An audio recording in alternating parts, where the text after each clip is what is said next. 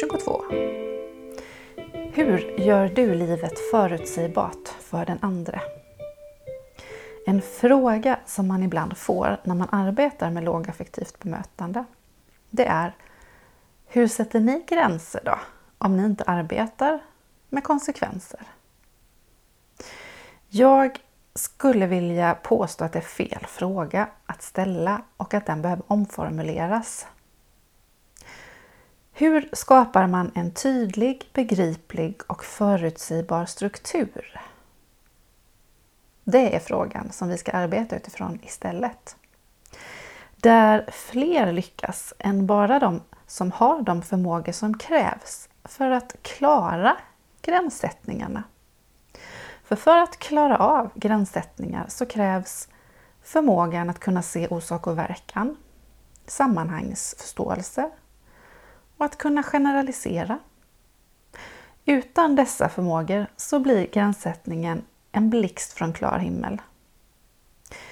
Du blir obegriplig och eh, känslan av orättvisa väcks nästan garanterat. En på förhand tydlig begriplig struktur kan man ju också vara sur över. Men att ta bort våra känslor, det går inte.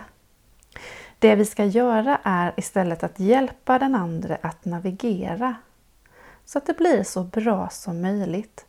Så få kraschar som möjligt. Och det blir hundra gånger lättare att göra om man får kartan på förhand än om vägbommarna plötsligt dyker upp en efter en. Ibland undrar jag om inte gränssättningarna, de här vägbommarna, de kommer upp för att det är vi som har lite dålig överblick, bristande föreställningsförmåga, låg sammanhangsförståelse. När vi märker att vi inte klarar mer. Det är den där viktiga självkännedomen igen. Vi kan ju inte vara okänsliga för att det handlar om oss med.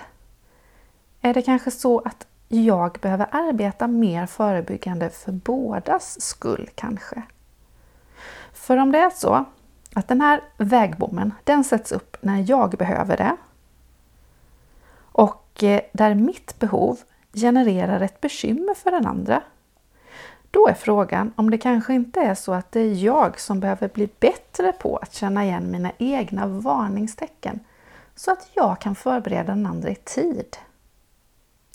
I tid kan jag rita upp vilka vägar det kommer att finnas att gå, vilka resultaten av de olika vägarna blir.